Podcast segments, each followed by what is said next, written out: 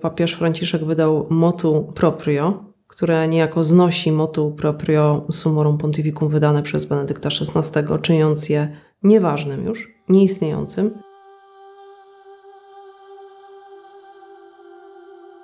Pochwalony Jezus Chrystus. Papież Franciszek po wyjściu ze szpitala wydał dokument, na który wszyscy czekaliśmy z drżeniem serca, dotyczący mszy trydenckiej i dlatego nagrywam ten odcinek w miarę tak na szybko, na gorąco, żeby przekazać Wam e, niemiłe, niedobre wieści dla nas, katolików tradycyjnych, i jednocześnie skomentować to, co się wydarzyło dzisiaj, 16 lipca 2021 roku, i podzielić się z Wami swoimi refleksjami. Mam nadzieję, że mm, podobnymi do Waszych. Generalnie e, nie, nie wygląda to ciekawie, ponieważ e, papież Franciszek wydał motu proprio, które niejako znosi motu proprio summorum pontificum wydane przez Benedykta XVI, czyniąc je nieważnym już, nieistniejącym. E, to motu proprio nazywa się Traditionis Custodes o użyciu rzymskiej liturgii, wcześniejszej od reformy 1970.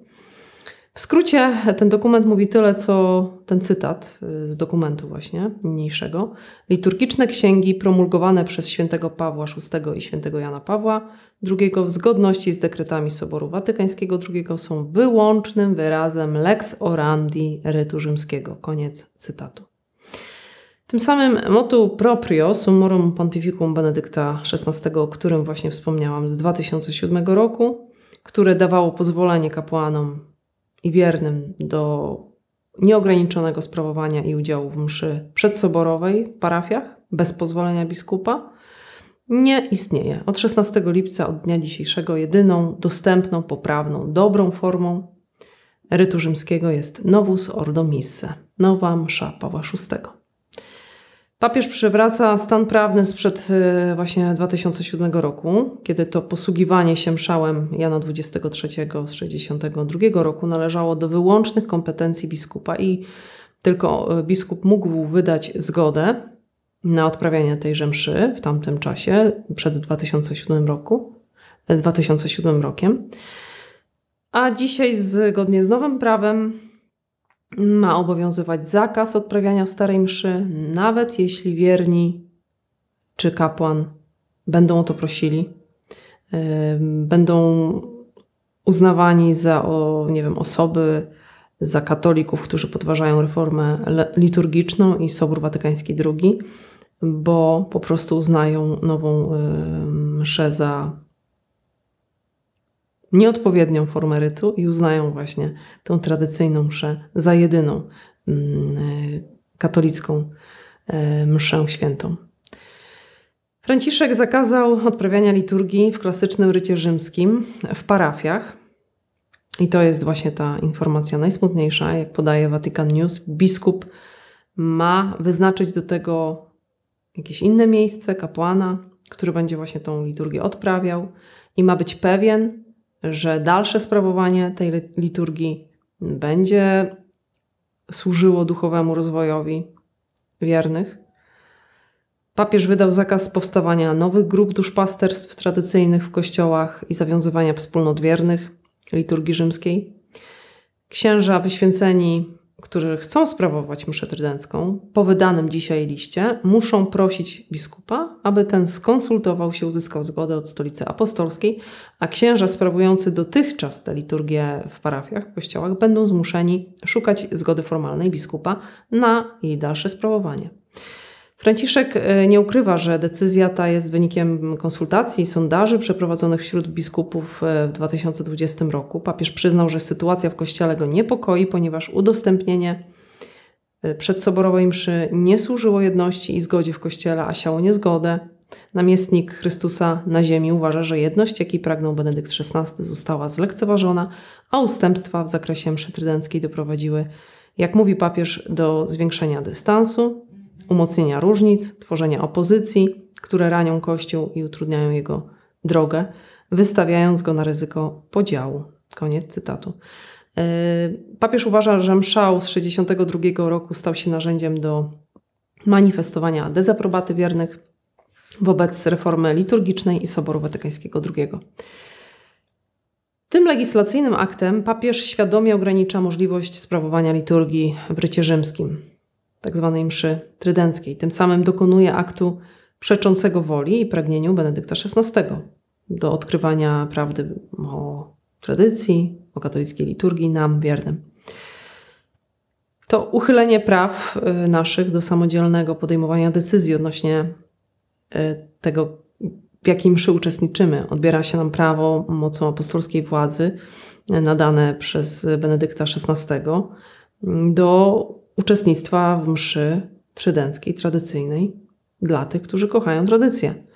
Jest to zdecydowanie mm, rodzaj ataku na na nas, katolików, którzy uznajemy nauczanie przedsoborowe papieży, lex orandi sprzed reformy 70, za jedyne pewne, stabilne i niezmienne nauczanie Kościoła, które takim niezmiennym pozostawało do 1962 roku. Sam Franciszek motywuje swoją decyzję pogłębianiem się niezgody w Kościele. Yy, pytanie, jak nazwać działanie Y, papieża Franciszka przeciwko woli Benedykta XVI, który miał tą samą władzę, sprawuje tą samą władzę, sprawował jako papież, bo papież to jest jedna i ta sama władza sprawowana przez różne osoby.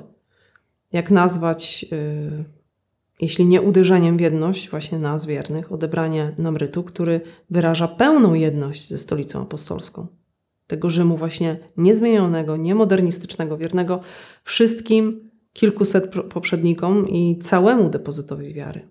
Z absolutnie żadną, nawet ani jedną jotą niezmienioną. Tak jak mówił święty Paweł, nawet jeżeli e, anioł stąpi z nieba i będzie głosił Ewangelię, niech będzie wyklęty. Anatema sit, tak język dogmatyczny, który już zastosował święty Paweł e, w dziejach apostolskich, więc nic nie może się zmienić i nic się nie zmieniało do 1962 roku. Więc jak można zmusić nas do uznawania tylko jednego soboru, jeśli tych soborów było ponad 20 powszechnych soborów w historii Kościoła, które mówiły troszeczkę inaczej niż Sobór Watykański?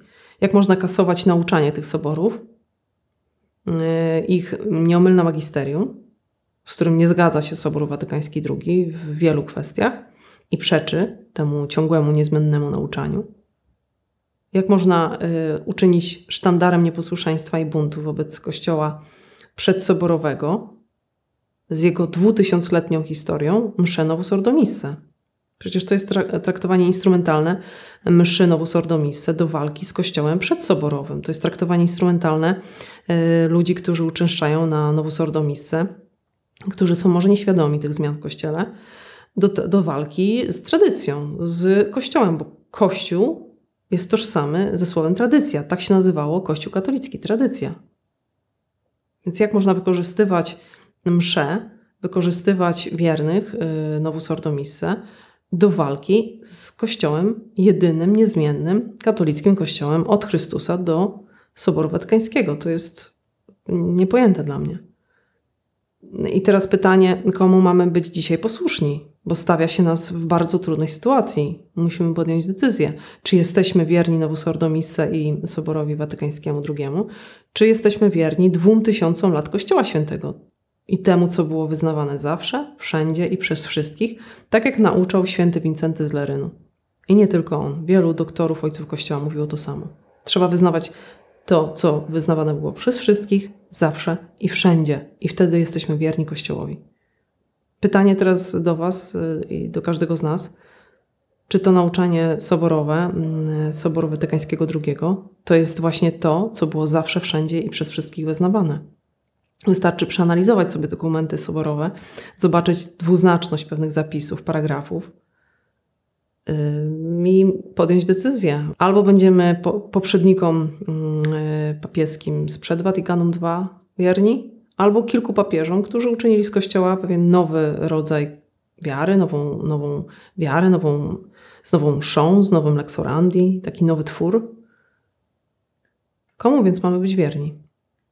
Skoro yy, zaledwie przeczytawszy cztery encykliki, można wyciągnąć wniosek, że coś jest nie tak, że jakby ten kościół do soboru to jest zupełnie inny kościół, po soborze to też jest inna wiara, I mówię mm, tutaj, mam na myśli cztery encykliki, takie podstawowe, czy pięć. Mm, Mediator Dei, Mortalium Animos, Dominici Pascendi Gregis, Mystici Corporis, Syllabus Errorum, o, jeżeli dobrze pamiętam. Te nazwy łacińskie nie są łatwe. W każdym razie to są takie podstawowe encykliki, które już e, bardzo, bardzo mocno podkreślają, wy, mm, uwydatniają właśnie te różnice doktrynalne pomiędzy jednym kościołem, tym jakby przedsoborowym kościołem, ja to tak nazywam, a posoborowym. No generalnie tak to się nazywa, bo takie są zmiany, tak mocne, tak ostre, tak jaskrawe są te zmiany. I to mnie poraża. Mnie to poraziło, właśnie to szukanie prawdy i spędzanie czasu, wielu, wielu godzin, wielu miesięcy i teraz już lat, nad tym, żeby porównać sobie nauczanie przedsoborowe, jakie wyznawali wszyscy święci męczennicy, ojciec Pio, święty Paweł, święta Teresa Zawila, Franciszek, Klara, święty Karol Boromeusz, Jan Vianney, Jan Bosko, y, Teresa z Lisieux. Oni wszyscy byli wychowani na mszy trydenckiej, tak zwanej. Bo ta msza już była, ona się rozwijała naturalnie, organicznie, tak? Od czasów apostolskich. Tam właśnie sięga swoimi korzeniami. I oni wyznawali jeden i ten sam Kościół, jedną i tą samą wiarę. Ona się nie zmienia. Duch Święty sam sobie nie przeczy.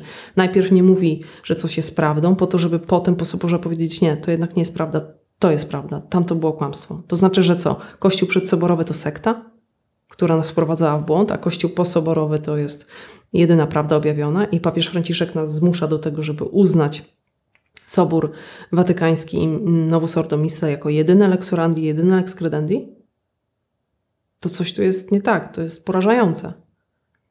Ja poznałam to nauczanie Kościoła i zachęcam też, poznałam encykliki, przeczytałam ich kilkanaście, porównałam sobie to nauczanie i wniosek logiczny, rozumowy jest jeden. Naprawdę dla średnio ogarniętej osoby. To są dwa nauczania, dwie odrębne doktryny i przez to dwie nie mające ze sobą absolutnie nic wspólnego poza konsekracją mszy liturgię. To naprawdę był dla mnie autentycznie dramat. Pojąć to, żeby to do mnie dotarło, że coś złego wydarzyło się w kościele, coś niedobrego dla mnie osobiście, dla mojego zbawienia.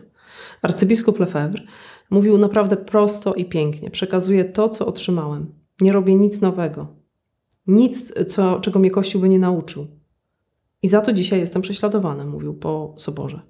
Za odprawianie mszy trydenckiej po soborze jest ekskomunikowany, prześladowany, karany zaś za odprawianie Novus Ordo Misse byłby uznany heretykiem i ekskomunikowany byłby natychmiast przed soborem.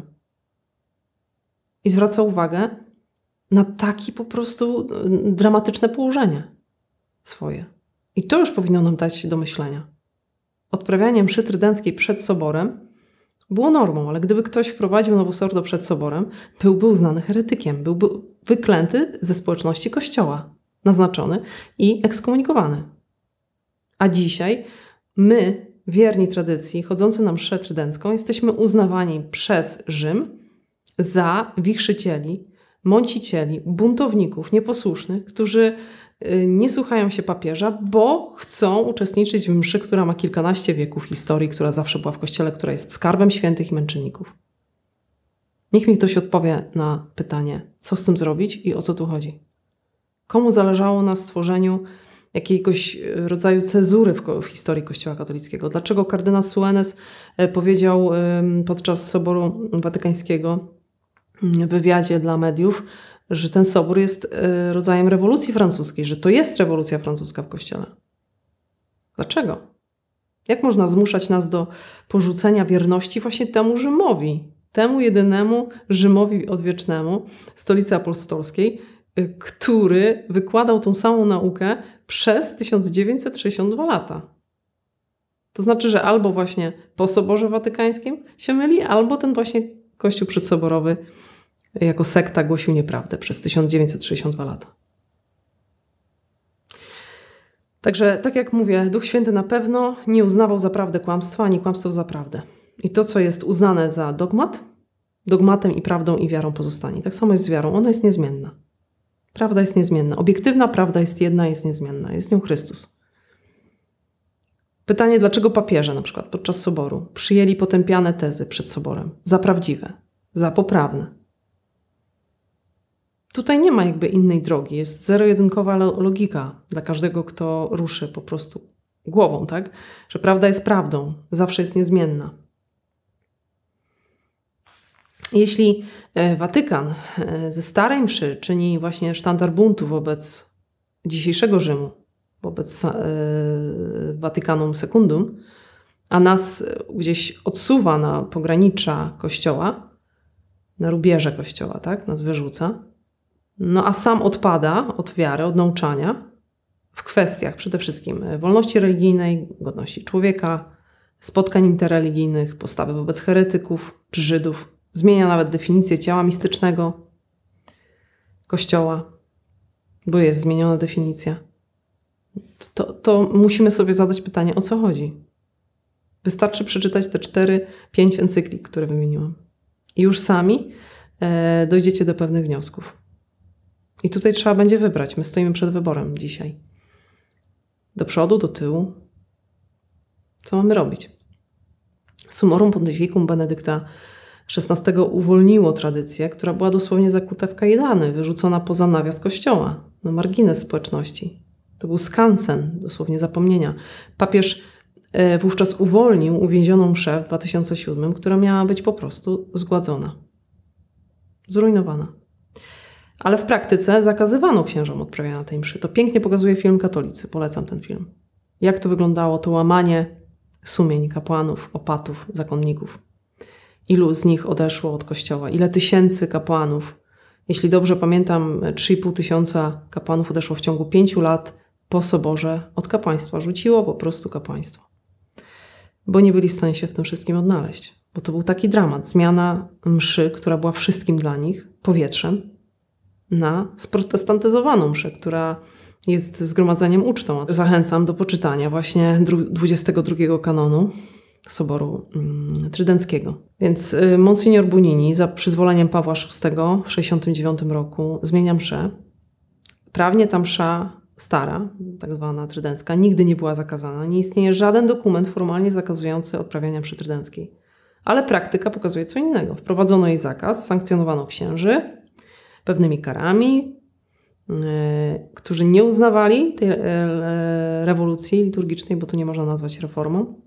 Łamano właśnie ich sumienia. Oni przeżywali dramaty, dramaty, dosłownie tak jak my dzisiaj. Stajemy naprawdę w obliczu tych samych podobnych wyborów.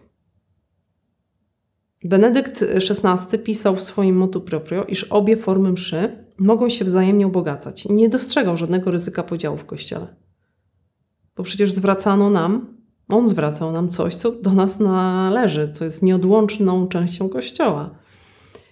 Y, zresztą sam biskup Schneider, y, cytuję, powiedział: Ograniczanie możliwości sprawowania tradycyjnej liturgii byłoby wielką krzywdą zadaną życiu Kościoła i nadużyciem władzy. Tak stwierdził biskup Atanazjusz Schneider. Biskup powiedział, że liturgia to skarb całego Kościoła, także minionych wieków.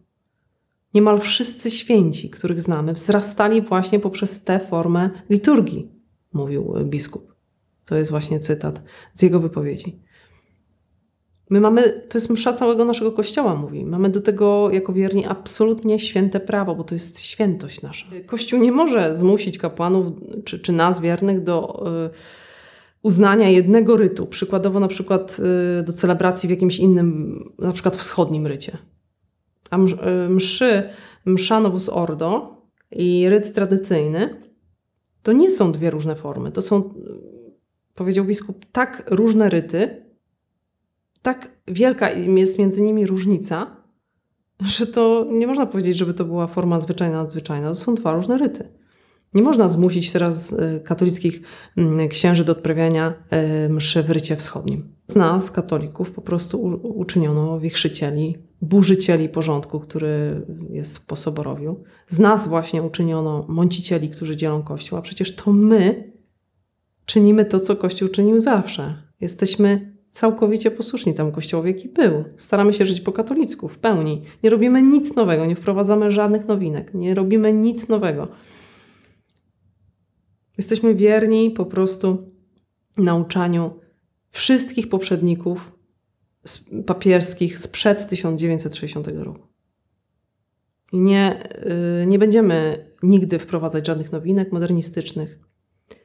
Pytanie, dlaczego wyznawcy LGBT w kościele, wieszający flagi na kościołach, popierający homoseksualizm, akceptujący nawet homoseksualizm, błogosławiący pary homoseksualne, E, biskupi, którzy się odłączają, odłączają się od e, stolicy apostolskiej w jakimś akcie buntu, e, rozdzielając komunię, interkomunię, dopuszczając do interkomunii w kościele, rozdając komunię świętą heretykom, rozwodnikom, ludziom, którzy żyją po prostu w grzechu, świadomie, z, z dobrej woli, dobrowolnie.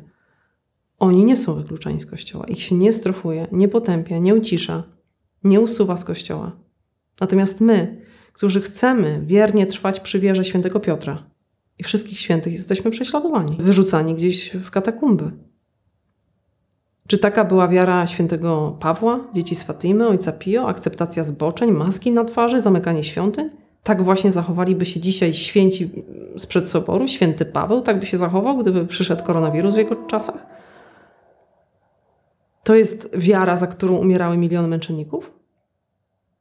Czy msza jest to nowa msza, jest to msza, za którą umarłby święty Piotr, święty ojciec Pio, święta Teresa z Lizie, święty Franciszek z Asyżu? Czy to właśnie Novus Ordo Missa jest mszą, która wychowała miliony świętych, jak Teresa z Lizie właśnie, Zawila, Jan Bosko? Te pytania po prostu powinny rezonować w nas i doprowadzić do poszukiwania prawdy. Powinniśmy sami szukać tej prawdy i mam nadzieję, że, że do niej dotrzemy i że będziemy się jej trzymać za wszelką cenę, nawet za cenę prześladowań. Ad majorem Dei Gloriam.